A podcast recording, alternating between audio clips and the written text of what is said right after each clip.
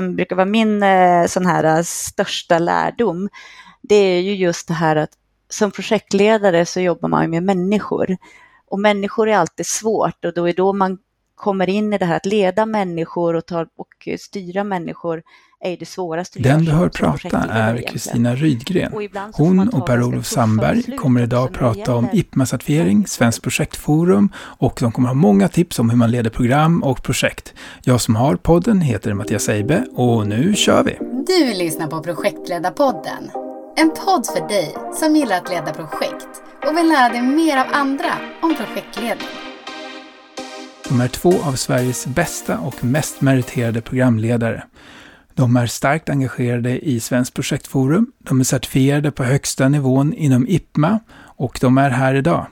Varmt välkomna Kristina Rydgren och Per-Olof Sandberg. Tack så mycket. Tack. Och då är frågan, vad är projekt för er? Ja, eh, för mig så är projekt någonting som rätt uppställt alltid levererar ett värde eller en skillnad. Och värde och skillnad eh, har ju visat sig i de flesta undersökningar om vad som motiverar människor ligga allra högst. Det ligger före monetära värden och pengar och lön och fin tjänstebil och allt möjligt.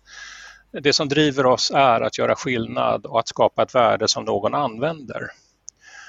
Och en annan väldigt spännande egenskap av projekt i Sverige det är ju att 40 procent av vårt BNP investeras i projektform. Så att för mig så blir projekt en källa och en arbetsform som skapar, rättskött naturligtvis då, skapar arbetsglädje, motivation, eh, får oss att tycka att det är roligt att arbeta och eh, ja, arbetsglädje helt enkelt håller med om det du säger Per-Olof. Eh, just det faktum att projektet är en fantastisk leveransform och en fantastisk organisation att leverera någonting nytt någonting som levereras levererar sin föränderliga omgivning. Det gör ju att projektet just så som sin, eh, sitt, sitt format är väldigt, väldigt bra sätt att just skapa en organisation, skapa en struktur, skapa en samhörighet för att leverera det här okända men ändå skapa det till ett, en tydlighet och ett tydligt mål för en grupp. Så leveransformen projekt tycker jag är en helt fantastisk organisation. Och hur definierar ni projekt? Det finns ju den här klassiska definitionen, precis som du säger, det ska ha ett start och ett slut eh, egentligen. Eh, att det, man, man blir klar med ett projekt. Det är inte ju en, man skapar en, en tydlighet att du ska leverera någonting som har en början och ett slut. Det är den klassiska definitionen egentligen av ett projekt. Och det är just att du har en, en eh, tydligt mål. Vad är det för någonting du ska leverera och när är du klar med din leverans? Funkar det alltid att driva via ett projekt eller vid tillfällen när ni tycker att nej men det här är nog inte bra att driva som ett projekt? Det beror ju lite på, alltså Kristinas definition är ju helt klockren. Eh, sen vet vi ju att eh, den agila eh, rörelsen som har funnits sedan 15-20 år tillbaka, då luckrar vi upp lite grann det här men det är fortfarande så att eh, det agila arbetssättet är också projekt. Eh, det vill säga en release i ett agilt arbete är ett projekt. Det är tiden som är viktig och man levererar något på en bestämd tid. Sen om det är i sprintform eller ett traditionellt projekt, det spelar inte så stor roll. Jag tror att det är samma eh, motiverande faktorer, att, man, eh, att det är viktigt att man kan jobba bra tillsammans. Ehm, och sen kan man ju vända på det där. Ett, ett riktigt misskött projekt där ingen tycker det är kul att vara och så då blir ju det jättetråkigt därför att då levereras det ingen värde och man gör ingen skillnad och då blir man inte motiverad. Och sen kan man ju fundera på om vi då lyckas förbättra projekt Sverige med några procent, då blir det väldigt mycket pengar. 40 procent av BNP, det är väl ungefär i runda slängar 1500 miljarder svenska kronor. Och det kanske ni redan har gjort genom IPMA-certifieringarna som vi kommer in på lite senare. Men jag vill stanna kvar lite grann kring det här med agilt och eh, versus Vattenfall. Hur ser ni på det? Och den diskussion som har blivit bland på LinkedIn? Alltså, alltså, för mig är det så att eh, jag tycker att man ska anpassa sin projektform och sin arbetsform i projekten baserat på den organisation och den omgivning man lever i. Eh, själv så gör jag gärna en kombination och en matris eh, i min organisation. Det finns vissa överordnade eh, leveransformer i den, traditionella projektformen som man ofta kallar vattenfallsformen som, som ofta kanske är lättare att anpassa i vissa typer av organisationer, lättare för någon en organisation att förstå sig på. Men däremot så förhindrar inte det att du kombinerar det med att använda agila metodiker, att jobba i sprintar, jobba i, använda de olika liksom mer eh, snabbrörliga eh, med modellen och metoderna. Eh, så jag tycker inte att det finns någon konflikt i vattenfall och agilitet, utan jag tycker att det går att kombinera väldigt bra. Jag håller helt med Kristina. Det här är ju precis som du säger Mattias en, en väldigt omdebatterad fråga i vid bemärkelse för att några vill ju skilja på en projektmodell som kan vara etappindelad eller vattenfallsliknande och sen så har du en utvecklingsprocess som fortfarande är agil, till exempel Scrum eller någon annan variant. Eh, och det är inte jätteviktigt. Däremot så tycker jag att det är jätteviktigt med att skilja på att jobba agilt eh, enligt en metod och att vara agil. Och att vara agil, det handlar ju väldigt mycket om att eh, Eh, se till att andra människor kan jobba på ett bra sätt. Att besluten fattas i rätt på rätt ställe, det vill säga där det finns kompetens att fatta beslutet och inte för att eh, någon har en, en bubbla i, en organisationsschema, i ett organisationsschema. Så att jag håller fullständigt med. Eh, kombinera agilt med Vattenfall, spela, det, det funkar alldeles utmärkt och varje release i ett, i ett agilt projekt är ju faktiskt någon typ av delprojekt eller en, en, väl avgränsad leverans som ska skapa ett värde. Sen kan det här agila fortsätta in i förvaltning och man suddar ut det här överlämnandet som traditionellt finns i ett projekt. Och vad är då en projektledare för det? Ja, en, en projektledare det är en, en person som har ett eh, väldigt bredbandigt ledarskap Eh, Eh, jag skulle vilja sätta högst på listan för projektledning så är det en person som kan inspirera, motivera och få andra människor att jobba tillsammans. Jag håller helt med, eh, för precis som det är som namnet säger så är det ju, säger det ju projektledare, det är just ledarskapet. För det svåraste man gör, det är ju egentligen att leda människor. Det är det som gör skillnaden. Om du ska lyckas med ditt projekt, ditt initiativ, så handlar det om att få de människor som jobbar i ditt projekt att jobba mot det här målet, att kunna hantera förändringar, att kunna hantera saker och ting som sker, klara av att möta leveransen, klara av att sam samarbeta. Och det handlar ju om ledarskap, att leda människor. Eh, för mig handlar det ju att just det här ledarskapet blir ännu mer viktigt med tanke på hur samhället ser ut idag, där det blir mer och mer snabbrörliga omvärlden. Alltså vi har pratat om digitalisering, vi pratar om en snabbrörlighet och då kräver ju ledarskapet än mer vikt att du har ett ledarskap som kan hantera människor i en oförutsägbar förändring. Så därför säger jag precis som Per-Olof, ledarskapet är det viktigaste som finns. Och hur förhåller sig det här projektledarskapet till det agila? Jag vill stanna kvar där lite grann. Man har ju produktägare, Scrum Master och så finns det den här projektledaren. Och jag ser väldigt ofta i organisationer så säger man, okej, okay, projektledare, ja men det har du varit, då kan du vara produktägare nu. Just den frågan har ju varit spännande och dynamisk i, jag tror minst tio år. För att för ett tag sedan så befann jag mig på ett företag där en, en, en rådgivare, en agil rådgivare eh, rådde det här företaget att eh, fris, släppa fritt eller släppa eller av, inte avskeda men omskola projektledarna till förmån för just produktägarna. Och eh, i mitt bästa agila projekt eller program som jag har lett, eh, då hittade jag en fantastisk produktägare som, som hade egentligen tre arbetsuppgifter. Det var ju att eh, sköta intressenthanteringen, se till att det fanns en product backlog som det heter i Scrum och eh, sen se till att stämma av den med de här intressenterna och prioritera den eh, och kanske det allra viktigaste, hade en djup och bred kunskap om den affären som det här systemet skulle befrämja. Andra saker som en projektledare gör gjorde den här personen överhuvudtaget inte och det fanns en teamledare vid sidan om som skötte allt det där.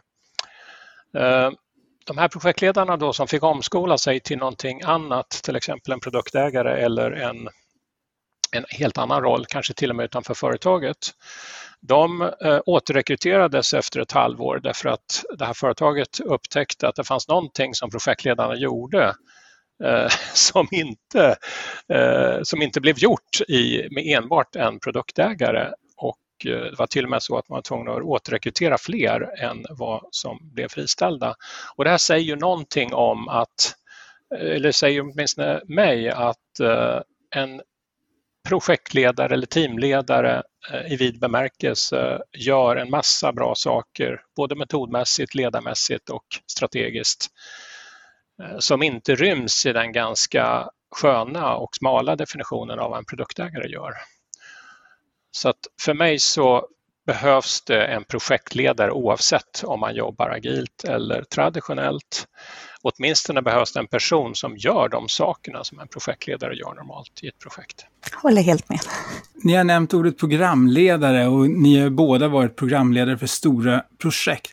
När behöver man programledare och vad gör en programledare? Mm, det är ju helt underbara frågor du ställer Mattias för att diskussionen agile eh, och traditional och program och projekt den har säkert ockuperat eh, hur många manår som helst i världen.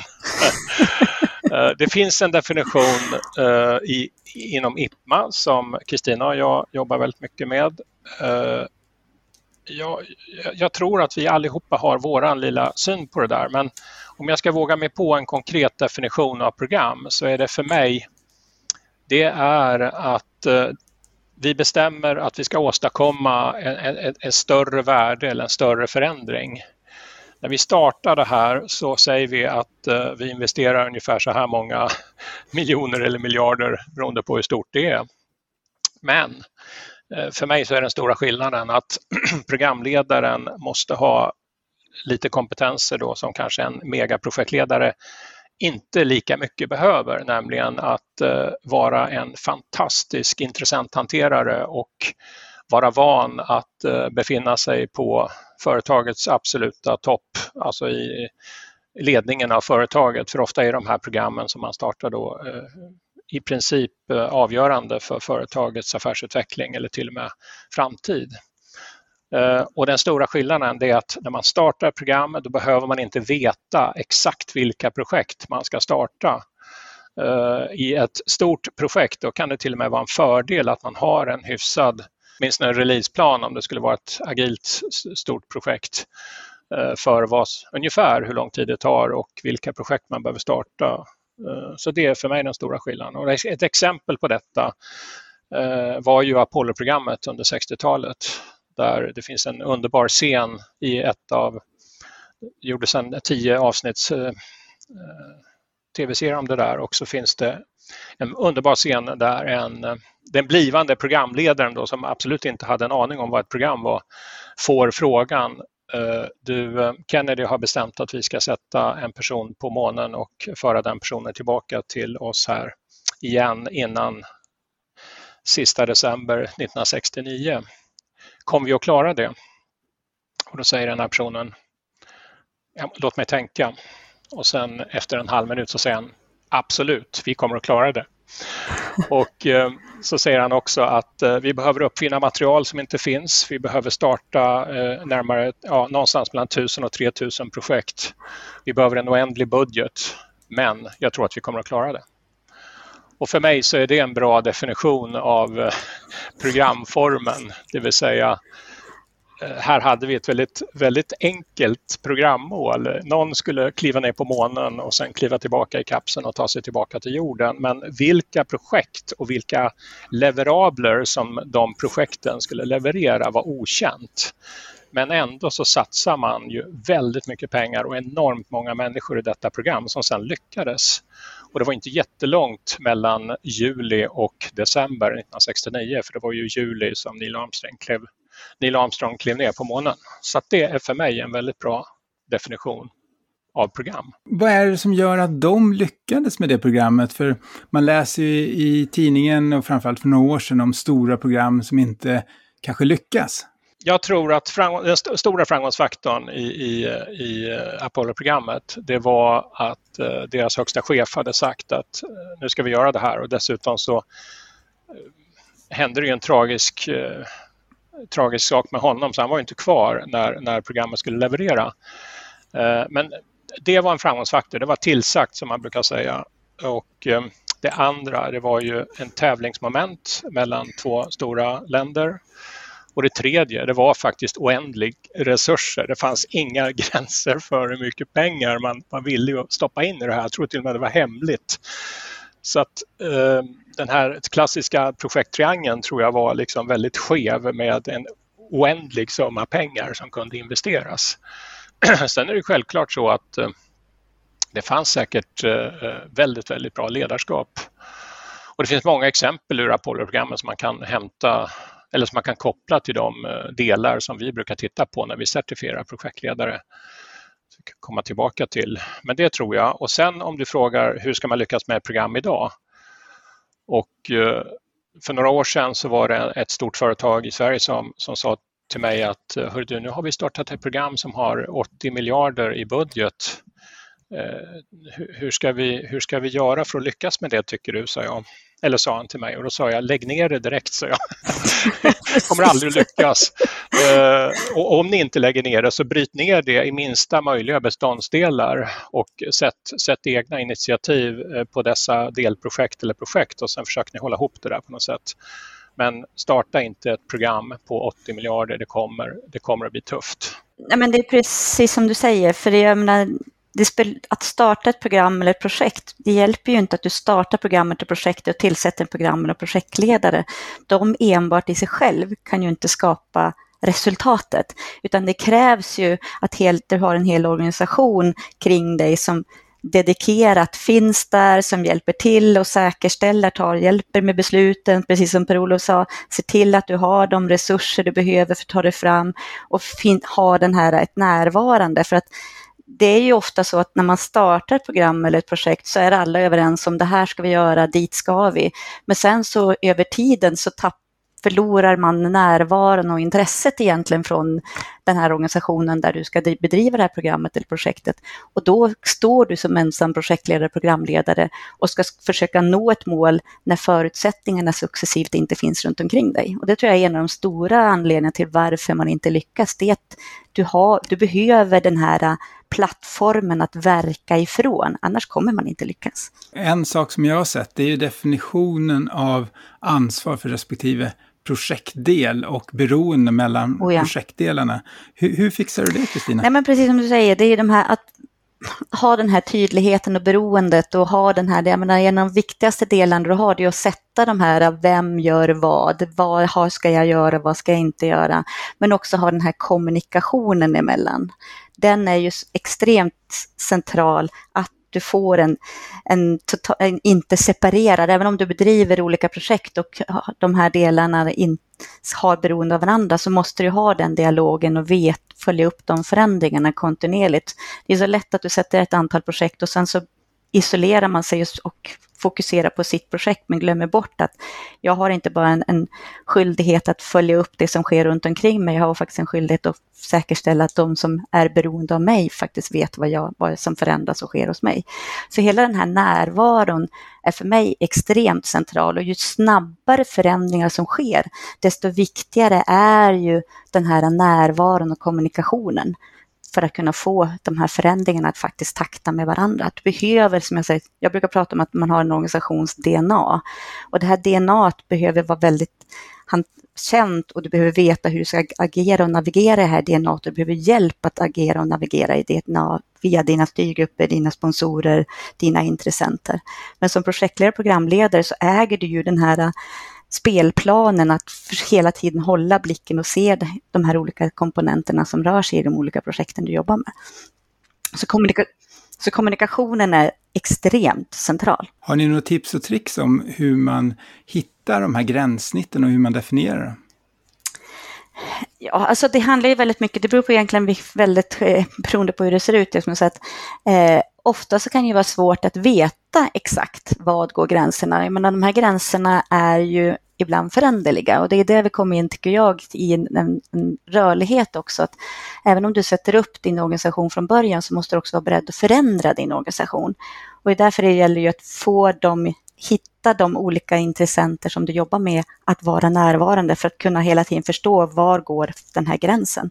För den är ju inte hundraprocentig mellan två olika ansvarsområden utan det kommer alltid vara ett överlappning och där behöver du ha den här dialogen. Men ofta så gör man just det jag brukar göra när jag jobbar, det är att försöka dela upp de här leveranserna i mindre etapper, om man kallar det för sprintar. Försöka sätta min, vad är målet med den här sprinten, vad ska jag göra? Det gör det ju lättare om jag har kortare tidsintervaller att definiera ansvarsområden och definiera förväntningar om jag, istället för om, om jag har en, en väldigt, väldigt lång tidshorisont jag ska leverera på. Så att uppdelningen i, i mindre komponenter gör det ju lättare och tydligare för var och en. Vad förväntas jag leverera? När ska jag leverera? Och vad levererar och vilka beroenden har jag till mina, mina andra projekt eller andra leveranser?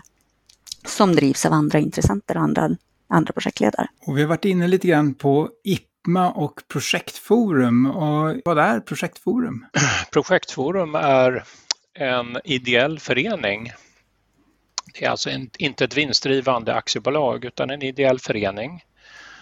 Eh, och den har funnits sedan 1968. Sedan 2002 så har Svenskt projektforum haft eh, rätten att eh, använda IPMAS certifieringsprocess och eh, kompetensbas för att certifiera projektledare.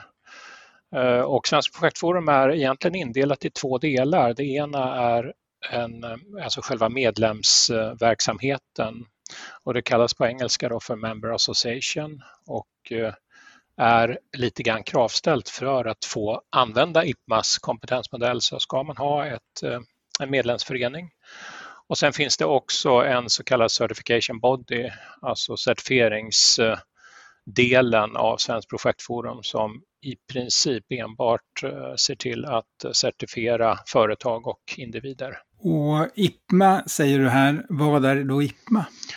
Akronymet står för International Project Management Association och det är en världsomspännande organisation.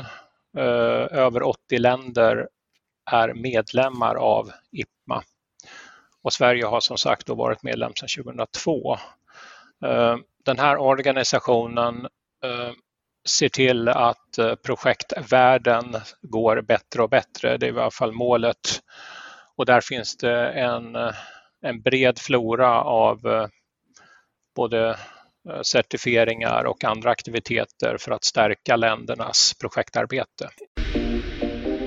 Vi på Projektledarpodden är jätteglada att meddela att detta avsnitt är sponsrat av Astrakan Strategisk Utbildning AB. Astrakan har några av marknadens bästa projektledarutbildningar. Till exempel så är den certifieringsförberedande utbildningen som de har den enda i Sverige som uppfyller samtliga kompetenselement från IPMA. Nu kan du som lyssnar på Projektledarpodden få 10% rabatt på kursavgiften. Ange bara rabattkoden PP21 PP med stora bokstäver, vid bokningen på astrakan.se. Boka nu, då antalet rabatterade platser är begränsade. Erbjudandet gäller enbart nybokningar och kan inte kombineras med andra rabatter och avtal. För fullständiga villkor, se astrakan.se. IPMA nämner ni att eh, de har certifieringar. Varför ska man certifiera sig och vad är en certifiering? Certifiering, själva ordet, kommer från latin och betyder bestyrka eller försäkra sig om eller verifiera.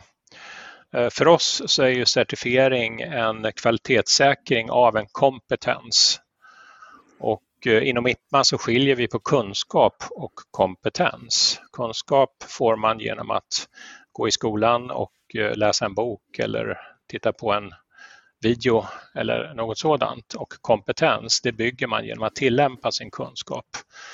Så att um, um, certifiering för IPMA och Svenskt projektforum betyder att bekräfta och styrka en kompetens inom projektledning. Vilka certifieringar finns det då på IPMA? Ja, de certifieringar som finns på Svenskt projektforum är ganska många, men det är Eh, relativt enkelt att navigera mellan, mellan de här. Det finns fyra nivåer av eh, individuell projektledningscertifiering och det är A, B, C, D. Eh, A står för en program, projekt eller portföljchef som eh, visar på en väldigt hög kompetens och som kan eh, exekvera eller tillämpa den kompetensen i en mycket komplex miljö. Det är det som skiljer. Eh, sen har vi B-nivån som är en senior projektprogram eller portföljledare och sen har vi C-nivån som är certifierad projektledare. Och sen har vi D-nivån som är certifierad projektkunskap utan krav på erfarenhet. Eh, sen så från och med i år så har eh, Svenskt projektforum den stora äran och förmånen att erbjuda något som heter IPMA Delta. Och det är en certifiering av projektmiljön hos ett företag. Eh, så att det är också en certifiering eh, och det är också assessorer som det heter på IPMA-språk som bedömer ett företags eh, förmåga eller samlade förmåga att bedriva bra projekt. Och då tittar man både på själva miljön, organisationens eh, organisationen som miljö för hemvist av projekt. Man tittar på projekten om de levererar enligt intressenternas önskemål eller vilja eller, eller förväntningar. Och sen tittar man också på individerna men i ett helt annat perspektiv. Så att i, i vår vanliga projektledarcertifiering, då bedömer man ju projektledaren som sådan. Här så tittar man på, finns det förutsättningar för den här projektledaren att lyckas oavsett hur kompetent projektledaren är? Och först ut är SKB som pysslar med kärnbränsleförvaring i Sverige. Och de, har ju, de är ju helägda av Vattenfall och de har fattat beslutet att att göra en sån här HIPMA Delta hos oss på Svenskt projektforum. Spännande. Och varför ska man certifiera sig? Jag kan bara säga min personliga syn där. Dels som sagt så tror jag det är väldigt viktigt, precis som Per-Olof var inne på, det är också ett sätt att kunna kommunicera till omvärlden, till, till företag, till, om jag jobbar som konsult, till eh, kunder, vad jag kan och inte kan. För det som, det som är centralt tycker jag är att det baseras också på erfarenhet och kompetens. Att vad har jag verkligen gjort, inte bara de teoretiska kunskaperna. Men sen så tycker jag ju också att personen, att hela certifieringsprocessen är viktig för mig så som individ, för det hjälper ju mig så som individ att förstå och också omsätta egentligen all min erfarenhet och liksom få ett form av ett eget kvitto, men också hela processen kunna gå in, gå in och förstå, tänka igenom vad har jag gjort, vad har jag lärt mig, vad kan jag? Så att det skapar en väldigt trygghet och en, för dig själv så som projektledare att faktiskt ha ett, och gå genomgå själva certifieringsprocessen skulle jag säga. Så för personligen så tycker jag nästan själva processen att certifiera sig var det som var mest givande för mig. Att kunna få den till, tillfället att faktiskt gör, sätta sig in och jag ta det engagemanget och få den eh, insikten om vad jag kan och inte och vad jag har gjort och vad det faktiskt betyder. Du nämner att du lärde dig väldigt mycket av själva certifieringsprocessen. En del går utbildning innan man certifierar sig. Behöver man det? Eh, nej, alltså man behöver absolut inte gå en utbildning innan, utan jag tycker att man får väldigt mycket god guidning av själva processen i sig. Däremot så kan det vara så att eh, det är en trygghet att gå en utbildning rent generellt att, för att man får en, en insikt. Många företag har ju ett, ett, erbjuder ju sina anställda utbildningar just därför att man ska kunna då förbereda sig för en certifiering. Det är absolut inte ett måste tycker jag, men eh, det är väldigt mycket individuellt vad man tycker är vad man känner själv att man behöver och vad man vill för att skapa en trygghet för att gå in i en certifiering. Men det är absolut inte ett måste. Och hur vet man då vilken nivå man ska certifiera sig på? Det finns en bra beskrivning på Svensk projektforums hemsida som är egentligen väldigt mycket inriktad på att titta på den erfarenheten som man har som projektledare eller programledare eller portföljchef. Eh, och på A-nivå så krävs det fem års erfarenhet av komplex projektledning varav tre år ska vara ehm, på strategisk nivå som det så vackert heter. Eh, och till och med så att det ska vara mycket komplex, en mycket komplex miljö. Och då kan man ju undra hur vet man att man har varit i en komplex miljö eller en mycket komplex miljö? Det finns ett verktyg som man kan ladda ner, eh, en liten Excel-fil där man tittar på tio faktorer i sitt, sina erfarenheter i de olika projekten som man lett. Och eh, där kan man räkna fram ungefär var man ligger och det bygger naturligtvis på vad man själv upplever de här, de här faktorerna. Men det är ett bra verktyg för att ta reda på vilken erfarenhet man har. Och den första etappen i certifieringen tittar just på eh, är, är den som söker det här certifikatet, har den eh, personen den erfarenheten som vi kräver? Det är egentligen insteget. Och eh, har man då tittat på sin erfarenhet eh, och kommit fram till att jag har den erfarenheten jag har, eh, då är det en, en mycket god start för att välja nivå och sen anmäler man sig på den nivån och går vidare i certifieringsprocessen. Och jag lägger en länk i anteckningar till det här avsnittet till den sidan på Projektforum. Lär man sig något av en certifiering? Du var inne på det lite mm. grann Kristina, att du lärde dig mycket, men hur lär man sig något av det här? Ja, men dels som sagt så är det ju en process. Det är ju en process där man eh, går tillbaka till de olika projekt som man har lett eh, får titta igenom vad har jag gjort bra, vad har jag gjort dåligt och man reflekterar väldigt mycket över vad har jag lärt mig på mina projekt. Så att just den här, det är väldigt mycket lärande från individen skulle jag säga, där man får gå, sätta, ge sig själv tid att gå tillbaka och fundera på vad har jag lärt mig som var bra, vad har jag lärt mig som var dåligt, vad borde jag förändra? Och sen så har man ju också, när man jobbar med de här processen så har man ju också en, man kallar för en, en sparring partner, en, en person diskussion, en diskussionspartner som, där man också bollar de här frågorna som, som hela den här processen handlar om under den här tiden, vilket också är väldigt givande för att det är ju ofta så att man, åtminstone för personligen har det varit så att man ofta kanske sänker sig själv, att man håller sig själv lägre och man får en sparringpartner som kan diskutera och säga att men det där gjorde du bra, det här kunde du tänka på, tänk och lyft de här starka sidorna hos dig själv och sådana och de här svaga sidorna behöver man ta hand om. Så just den här processen och dialogen som man har under själva certifieringsprocessen tycker jag är en väldigt lärande process. Och det var just för min del anledning till varför jag valde just att certifiera mig på IPMA.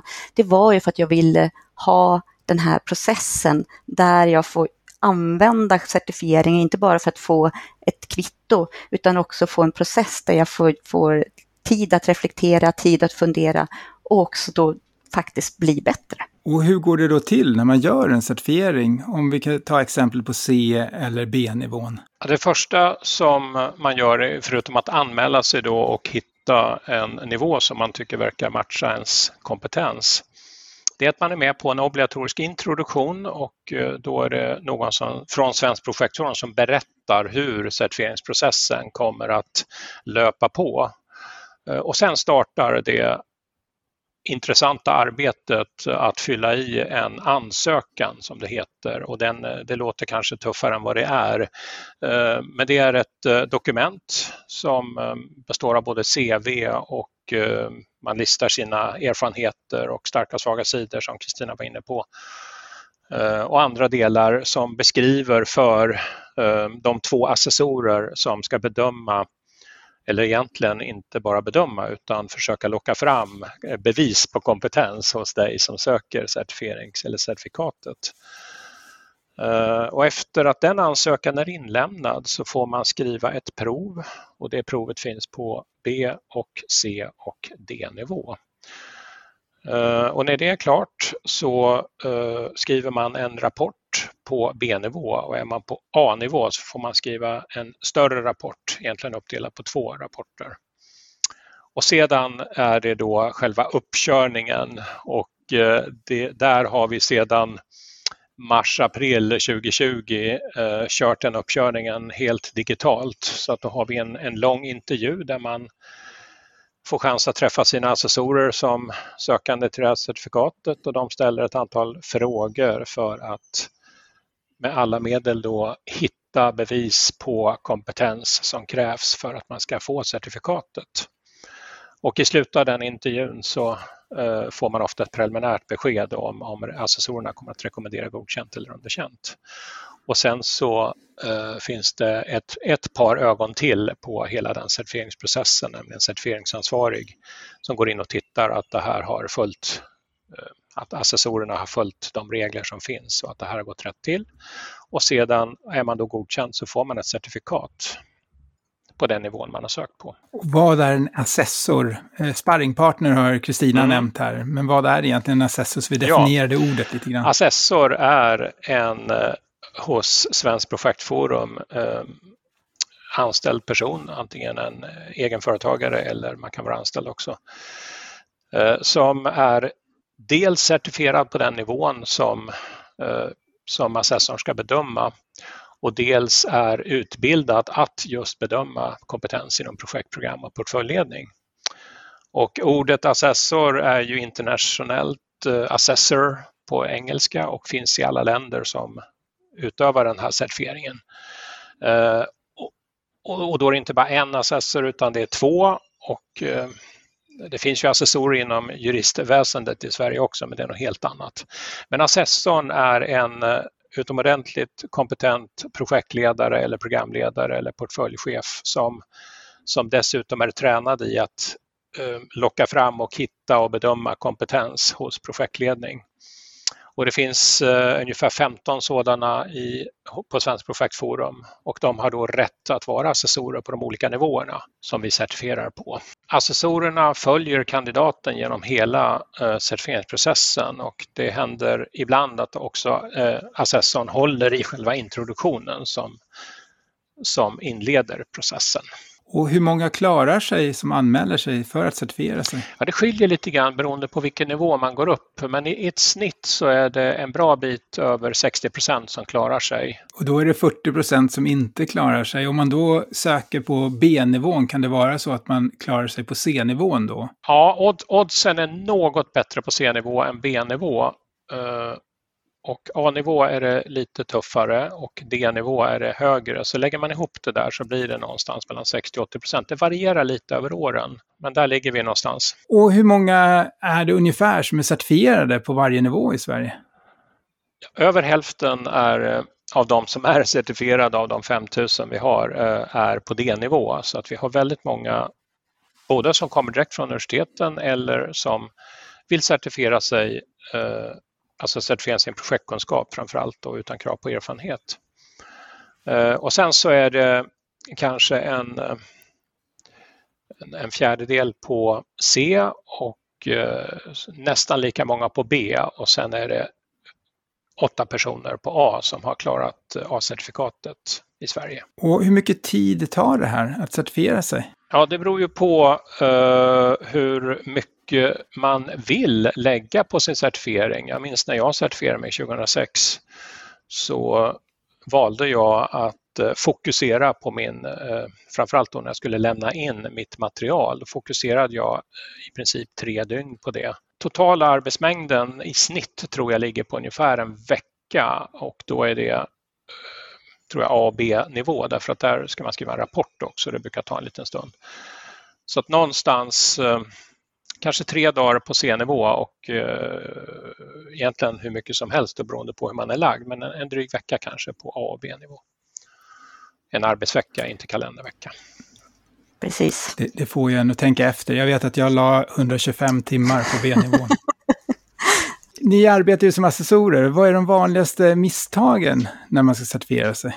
Jag skulle nog säga precis det vi är inne på, att man kanske inte ger sig själv chansen att eh, göra en bra certifiering. Att, eh, nummer ett, att man inte lämnar in ett material som är eh, genomarbetat till att börja med. Att man går igenom verkligen ta, låt, ta den effektiva tiden som behövs och, och försöker göra sig själv rättvisa, utan att man, man lite kanske då slarvar igenom det, skulle jag säga. Ett vanligt misstag tror jag är att man försöker att ge en mer positiv bild av sig själv um, i hopp om att det ska göra att man klarar sig bättre och egentligen är det precis tvärtom. Ju mer ärlig och eh, reflekterande och även så att säga öppen med att Eh, det där kanske jag inte gjorde jättebra men jag har lärt mig någonting av det. Eh, det är snarare ett styrkebesked för oss assessorer. Eh, så det är inte så att man söker ett jobb eller skriver en CV där man enbart tar upp de positiva sakerna utan den certifieringen vi har där vi bedömer kompetensen, där finns det ju en kompetens i att lära sig av saker som inte har gått så bra. Och att det finns utmaningar i alla projekt, det vet vi ju och ju fler utmaningar det finns desto mer svåra och komplexa är projekten. Och om då komplexitet är en förutsättning för att nå de högre nivåerna i certifieringen, eh, då måste det också finnas med i materialet man lämnar in. Eh, och ofta ser både, ja, vi assessorer ser ofta att ehm, de som lämnar in sin ansökan försöker på något sätt eh, beskriva sig själva i en bättre dager än vad som är i verkligheten. Eh, och då är det betydligt bättre att bara bestämma sig för att vara helt ärlig och transparent eh, och lämna in en bedömning och beskrivningar och utmaningar som stämmer så mycket som möjligt med den verklighet som man har upplevt. Och det är ett styrkebesked i certifieringen. Vilken nytta har ni haft av era certifieringar? Nej, men alltså självklart så har man nytta av en certifiering. Jag skulle säga väldigt mycket nytta har man faktiskt i kunskapen om sig själv. Eh, och också att man som får ett högre, högre självförtroende genom att man faktiskt har gått igenom en process, man har gått, faktiskt fått ett, ett kvitto på vad man kan. Vilket gör att man är också, blir eh, modigare också när man går in eh, och tar nya uppdrag och har en större tro på sig själv skulle jag säga. Det är min absolut största nytta utav certifieringarna. Sen är det ju självklart så att jag jobbar ju som eh, konsult och då är det självklart så att det, har jag en certifiering så, så värderas det också ute bland mina kunder och de bolag som jag jobbar med. Men, men min absolut största nytta det är faktiskt den jag fått själv. Jag håller med Kristina helt. Ehm, att gå igenom de närmare 30 kompetenselementen som finns i vår IPMA-certifiering gör ju att ehm, jag reflekterar över eh, vad jag är bra på och möjligtvis då vad behöver jag bli bättre på.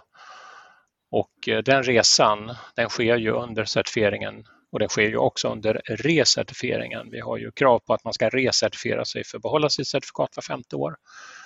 Och då får man en liten snabb titt igen på eh, dels den utveckling man har gjort men också vad har, jag, vad har jag för kompetenser och vad behöver jag vad behöver jag stärka? Vad ska jag vara stolt över? Så det har gett väldigt mycket. Sen tror jag både för mig och Kristina så har det ju betytt en, en inkörsport till ett nätverk och ett ideellt arbete som har gett mig jättemycket. Precis. Jag har varit associerad till Svenskt projektforum sedan 2008 då jag började jobba som assessor. Nej, och, och sen så tycker jag ju också precis som den här resan som vi pratar om, den fortsätter ju. I och med att man har gått igenom en certifiering så får man ju också faktiskt med sig redskap att reflektera över vad man gör och hur man jobbar och vad man kan och inte kan och vad man bör förbättra även i fortsättningen. Så att de, den här processen är ju ett redskap i sig som man tar med sig vidare sen, även fast man inte gör det i en certifiering, men i sitt, i sitt vanliga arbete. Så jag tycker bara det, den tankesättet som man lär sig genom att certifiera sig har jag nytta av. Och hur ser ni på andra certifieringar så, såsom PMI och Prins 2? Ja, för mig så är det här lite olika eh, olika certifieringar eller olika produkter och det behöver inte betyda att någon är bättre eller sämre. Eh, IPMAs, IPMAs certifiering fokuserar ju, som vi, jag tror att vi har pratat om ganska mycket, på människor och kompetens att hantera människor som projektledare. Och det är också så att IPMAS certifiering, där är det eh, två assessorer som bedömer om eh, den som söker certifikatet eh, verkar ha den kompetensen som efterfrågas. Eh, den, det är en ambitiös certifiering, den tar en del tid. Och eh, eh, om man jämför då med till exempel en Prins 2-certifiering, det är ju en det är en certifiering som är inom projektskrået också. Eh, men det handlar väldigt mycket om att eh, certifiera sig på en projektmodell som heter just Prins 2.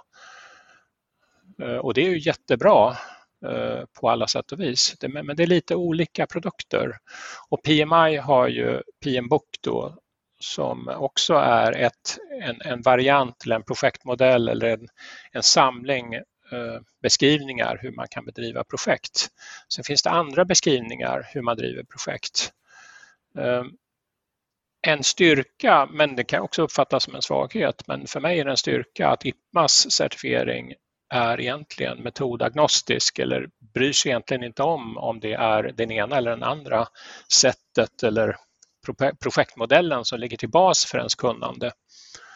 Utan eh, där tittar man på kompetenser i allmänhet som inte är knutna till någon dialekt av projektledning. Så man kan alltså arbeta enligt vilken projektmodell som helst och sen ändå certifiera sig via IPMA? Ja, och eh, jag glömde säga inledningsvis att IPMA har också en A, B och C och D-certifiering för agila, agil projektledning. Eh, och egentligen är det, det är samma kompetenselement som i den traditionella men de, den erfarenheten som krävs ska vara i en agil kontext. Man använder sig av agila termer för att beskriva den kompetensen. Och det säger också lite grann om att, man egentligen, att, att vi är metodagnostiska utan vi tittar på eh, en kompetens som verkligen ska göra skillnad i, i projektledningsarbetet det och just, just att det är metodoberoende är ju för den, tror jag, den stora styrkan just med IPMA. Och det gör ju också att IPMAs certifiering, för, för det finns ju så att det, kom, det kommer ju in nya modeller och nya metoder och nya varianter av metoder utvecklas ju kontinuerligt. Men eh, på så vis är ju också IPMA hanterar ju även förändringar i framtiden i och med att man faktiskt inte styrs på en specifik terminologi, en specifik metodik. Och ni nämnde i början att Projektforum inte bara håller på med certifiering utan även har medlemsverksamhet. Vad består den av? Svenskt Projektforum ger ut en tidning varje år och eh, i år så har vi några eh, pappersnummer och några digitala nummer. Där kan man läsa om, eh, om projektledare och agila projekt och all, allting som har med projekt att göra. Eh, och det är någonting som man får som medlem. Eh, vi har också två årliga event. Nu har ju de legat lite lågt sedan mars-april förra året på grund av den eh, situationen med corona som vi har haft. Men normalt sett så har vi två stycken event och det på hösten heter Projektforum och då samlas Eh, massor med projektintressenter. Vi brukar hålla till i Spegelsalen på Grand Hotel och prata projekt under en hel dag i alla dess, eh, all, alla dess eh, former och olika, från olika vinklar. Och på våren har vi något som heter projektverktygsdagen där vi fokuserar lite grann mera på verktyg, metoder och tekniker för att bedriva projekt men fortfarande ungefär samma öppna forum och det behöver inte enbart vara runt projekt. Det kan handla om ledarskap i allmänhet. Det kan handla om eh, mindfulness eller eh, reflektion eller meditation. Eh, en skön blandning av olika ämnen. Och eh, sedan har vi webbinar, vi har frukostseminarium, eh, det finns nätverksverksamhet som vi bedriver. Vi har ett för PMO till exempel. Så att det finns väldigt mycket verksamhet förutom själva certifieringen. En projektledare som har hållit på ett tag, har ni några tips om hur de kan fortsätta utveckla sig? Jag skulle säga eh, delta i nätverk. Eh, hitta nätverk, eh, ta dialog med andra, få möjlighet att lyssna på vad andra har gjort. Eh, jag skulle säga genom områden som Per-Olof var inne på alldeles nyss, de här eh, projektforumsdagarna, så att gå på den typen av evenemang ger otroligt mycket energi. Man kan få väldigt mycket tips, väldigt mycket energi, väldigt mycket information, men, men satsa på att eh, hitta andra projektledare att nätverka med och lära varandra. Tack. Och jag gillar ju att man lär sig av misstag. Har ni gjort några misstag och vad lärde ni er då? Jag, jag har ett exempel Eh, som jag brukar gå tillbaka till. Och det handlar, egentligen handlar det lite grann om, eh, när du ställde en fråga för ett tag sedan om framgångsfaktorer i ett program. Eh, jag fick i uppdrag att hjälpa två stycken personer från en huvudstadskommun, eh, kommunstyrelsen i en huvudstad som bedrev en projektverksamhet. Och de berättade för mig att de körde ungefär 100 projekt varje år och Eh, de var inte riktigt säkra på vad de här projekten egentligen levererade och de brukade titta till dem någon gång per år. Och det där fick ju mig att nästan ställa mig upp och ropa med hes röst att eh, det där måste ju få ordning på. Och eh, jag startade omedelbart en liten workshop med de där två personerna och Eh, vi försökte komma fram till något sätt att faktiskt lyckas med projekten och identifiera vad de skulle leverera och få dem synkade på något sätt och hitta en gemensam grund för att bedriva projekt eh, i den här kommunen. Eh, och sen efteråt så pratade jag med några personer som kände den här kommunen väldigt väl och jag sa att ja, nu kämpar jag med de här personerna under en stund här och det var väldigt svårt att komma fram till egentligen. Det verkar som de inte riktigt hade den här geisten att lyckas med sina projekt. Jag förstår inte riktigt varför. Och då var det någon som sa, av de jag pratade med, att ja men Per-Olof, har du tänkt på vad som egentligen driver de här personerna du träffade? Är, tror du att, att de är drivna av att lyckas med sina projekt? Ehm, ja, då blev jag lite osäker och sen så sa den ena då, ja men det som driver de här det är två saker. Det ena det är att bli omvalda i nästa kommunval och det andra är att inte hamna i kvällstidningarna. Så de egentligen bryr sig inte om de här projekten. Och då kan man göra några reflektioner. Ehm, varför har man projekt om man inte bryr sig om att de ska leverera? Ehm, men den kanske allra viktigaste, det är ju varför, vad är liksom, ta reda på de bakomliggande drivkrafterna för att köra en projektportfölj eller ett program. Och när du för en stund sedan frågade vad, vad är liksom viktiga framgångsfaktorer för att lyckas med ett stort program, då finns det ju en jätte, jätteviktig eh, faktor och det är ju att starta med att identifiera de övergripande skälen till att vi startar programmet, alltså övergripande mål. Och hur viktiga är de och går de att mäta på något sätt? För har vi de målen, har vi syftet med projektportföljen eller programmet eller projektet, det kommer vi att ha användning av och nytta eh, genom hela projektet. Och många företag eh, och jag tror både Kristina och jag har sett sådana, startar stora projekt eller stora program och säger att nu ska vi byta IT-system. Eh, våra IT-system är för gamla, vi vill ha nya IT-system och så kör man igång det där. Och halvvägs in i projektet så kom man fram till att det där var alldeles för dyrt och eh, varför gör vi det här egentligen? Och så stänger man projekt eller programmet. Har man tagit reda på att ehm, de här IT-systemen de sitter i vår absolut viktiga, viktigaste affärsprocess. Den är hela det här företagets liv och vi måste förbättra de här processerna. Vi sätter upp de här övergripande målen eh, med bättre affärer eller snabbare genomlöpningstid eller time to market eller vad det nu kan vara. Och så bestämmer man att de här målen ska vi nå och då har vi det här programmet som ska nå de här målen. Så att ett viktigt misstag Eh, som man kan lära sig av det är att man startar ett projekt men egentligen inte veta varför och det tror jag att jag har varit delaktig i några gånger under min karriär. Precis, eh, ja det är så många igenkänningsfaktorer där.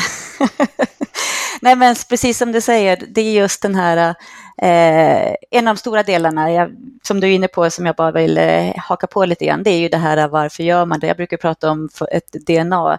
Det är väldigt, väldigt många gånger som man kommer in och får ett uppdrag och säger att vill det här program, projektet, programmet ska vi starta och sen så får man uppdrag att vara projektledare. Eh, om jag då som projektledare många bara anamma det och kanske naturligt bara ta det uppdraget och börja jobba med det, eh, så finns det ju alltid en stor risk som jag har sett alla när man jobbar med de här större programmen och projekten, att det faktiskt inte levereras, man kommer inte nå målet och det är precis det Olof, Per-Olof säger, att det finns ingen liksom förankring till varför man gör det här, utan man har ganska snabbt gått mot på en lösning istället för att fundera på vad är det för någonting vi vill lösa.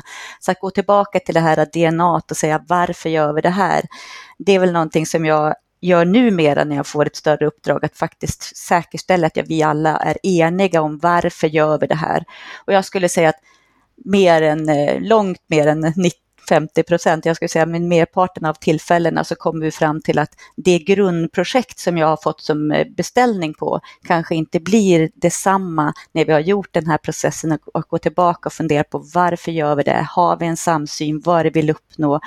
Ofta handlar det om att vi ska vara relevanta i framtiden och de delarna och då kanske det här eh, byta eh, Eh, IT-system inte är det som gör oss relevanta, utan det är bara en, en, komponent som kanske vi kommer fram till att vi också behöver göra. Men det är inte det som kommer skapa värdet som den här beställaren tror att den ska få bara för att byta IT-system. Så att jag skulle säga gå tillbaka till det här DNA och förstå varför det har, gör mig mycket mer lyckosam idag än vad det gjorde mig tidigare då jag bara tog beställningen och försökte leverera den och så plötsligt så var det en diskrepans mellan vad förväntningarna var och vad projektet faktiskt levererade och kunde leverera i form av resultat. Ett annat område skulle jag bara säga som brukar vara min eh, sån här eh, största lärdom, det är ju just det här att som projektledare så jobbar man med människor. Och människor är alltid svårt och då är då man kommer in i det här att leda människor och, ta, och styra människor är det svåraste du gör som, som projektledare egentligen. Och ibland så får man ta ganska tuffa beslut också när det gäller människor då man inser att den här, gör man organisationsförändringar och andra delar så kan det påverka människor och det finns ju ingenting som är så svårt för en person det att, att ta till sig en förändring när man faktiskt inte själv äger man, förmågan att styra även en förändring som sker. Och då är, har jag kan upplevt att det jag kan ha gjort eh, och lärt mig av det är att många gånger i de fallen så kanske man skjuter på besluten därför att man vet att det här besluten kommer faktiskt påverka människor i den här organisationen. Och någonstans så, så, måste jag ta det här beslutet, men att skjuta på det för länge skapar en sämre situation för personen och för leveransen och för organisationen än att faktiskt gå in i det beslutet och ta beslutet och kanske jobba mer med vad vad kan vi göra för att den här personen eller de här individerna inte ska drabbas negativt, än att man tycker att det känns jobbigt att ta ett beslut som faktiskt påverkar andra negativt. Så det skulle jag säga, det är de tuffaste projekt jag har jobbat med, det är när man känner att man faktiskt, det finns människor som faktiskt inte kommer tycka att det här resultatet är bra. Tack, jag känner igen mig i det här. Och om någon vill kontakta er, hur kan de göra det? Då kan man kontakta mig på eh, på mitt, eh, jag driver ett eget bolag som heter Viaryd AB. Så där når man mig. Jag kan lägga en länk i anteckningarna och Per-Olof? Likadant där. Eh, vi kan lägga en e-postadress i, i, dina, i din logg för mötet. Och jag ska bara säga att båda, båda går ju, eh, både jag och Kristina går ju att nå via, åtminstone jag går att nå via Projektforums hemsida. Där det samma en, gäller för mig. Ja, Jättebra. Har ni några tankar om vilka andra som borde vara med i projektledarpodden? Eh, jag säger ju så här då, det som jag kan tycka är intressant när det, det är ju eh, hur digitalisering påverkar projektledaren och projektledarens eh, kompetenser. tycker jag är ett spännande område. Och där vet jag ju att du är en av, eh, du har blivit kallad digitaliseringsguru. Eh, så att jag tar jättegärna upp den stafettpinnen och pratar med dig vid ett annat tillfälle om, om den biten. För idag har vi fått höra jättemycket matnyttigt om program, projekt, IPMA-certifiering, projektforum och jag har massor med frågor kvar, men de får vi ta vid ett annat tillfälle. Stort tack för att ni kunde ta er tid att vara med, Kristina Rydgren och Per-Olof Sandberg. Tack. tack så jättemycket. Tack Mattias. Tack för att du har lyssnat på Projektledarpodden. Hör gärna av dig till oss med idéer, tips och förbättringsförslag. Det gör du enklast via mejl på lyssnare projektledarpodden.se eller vid det sociala nätverk du föredrar.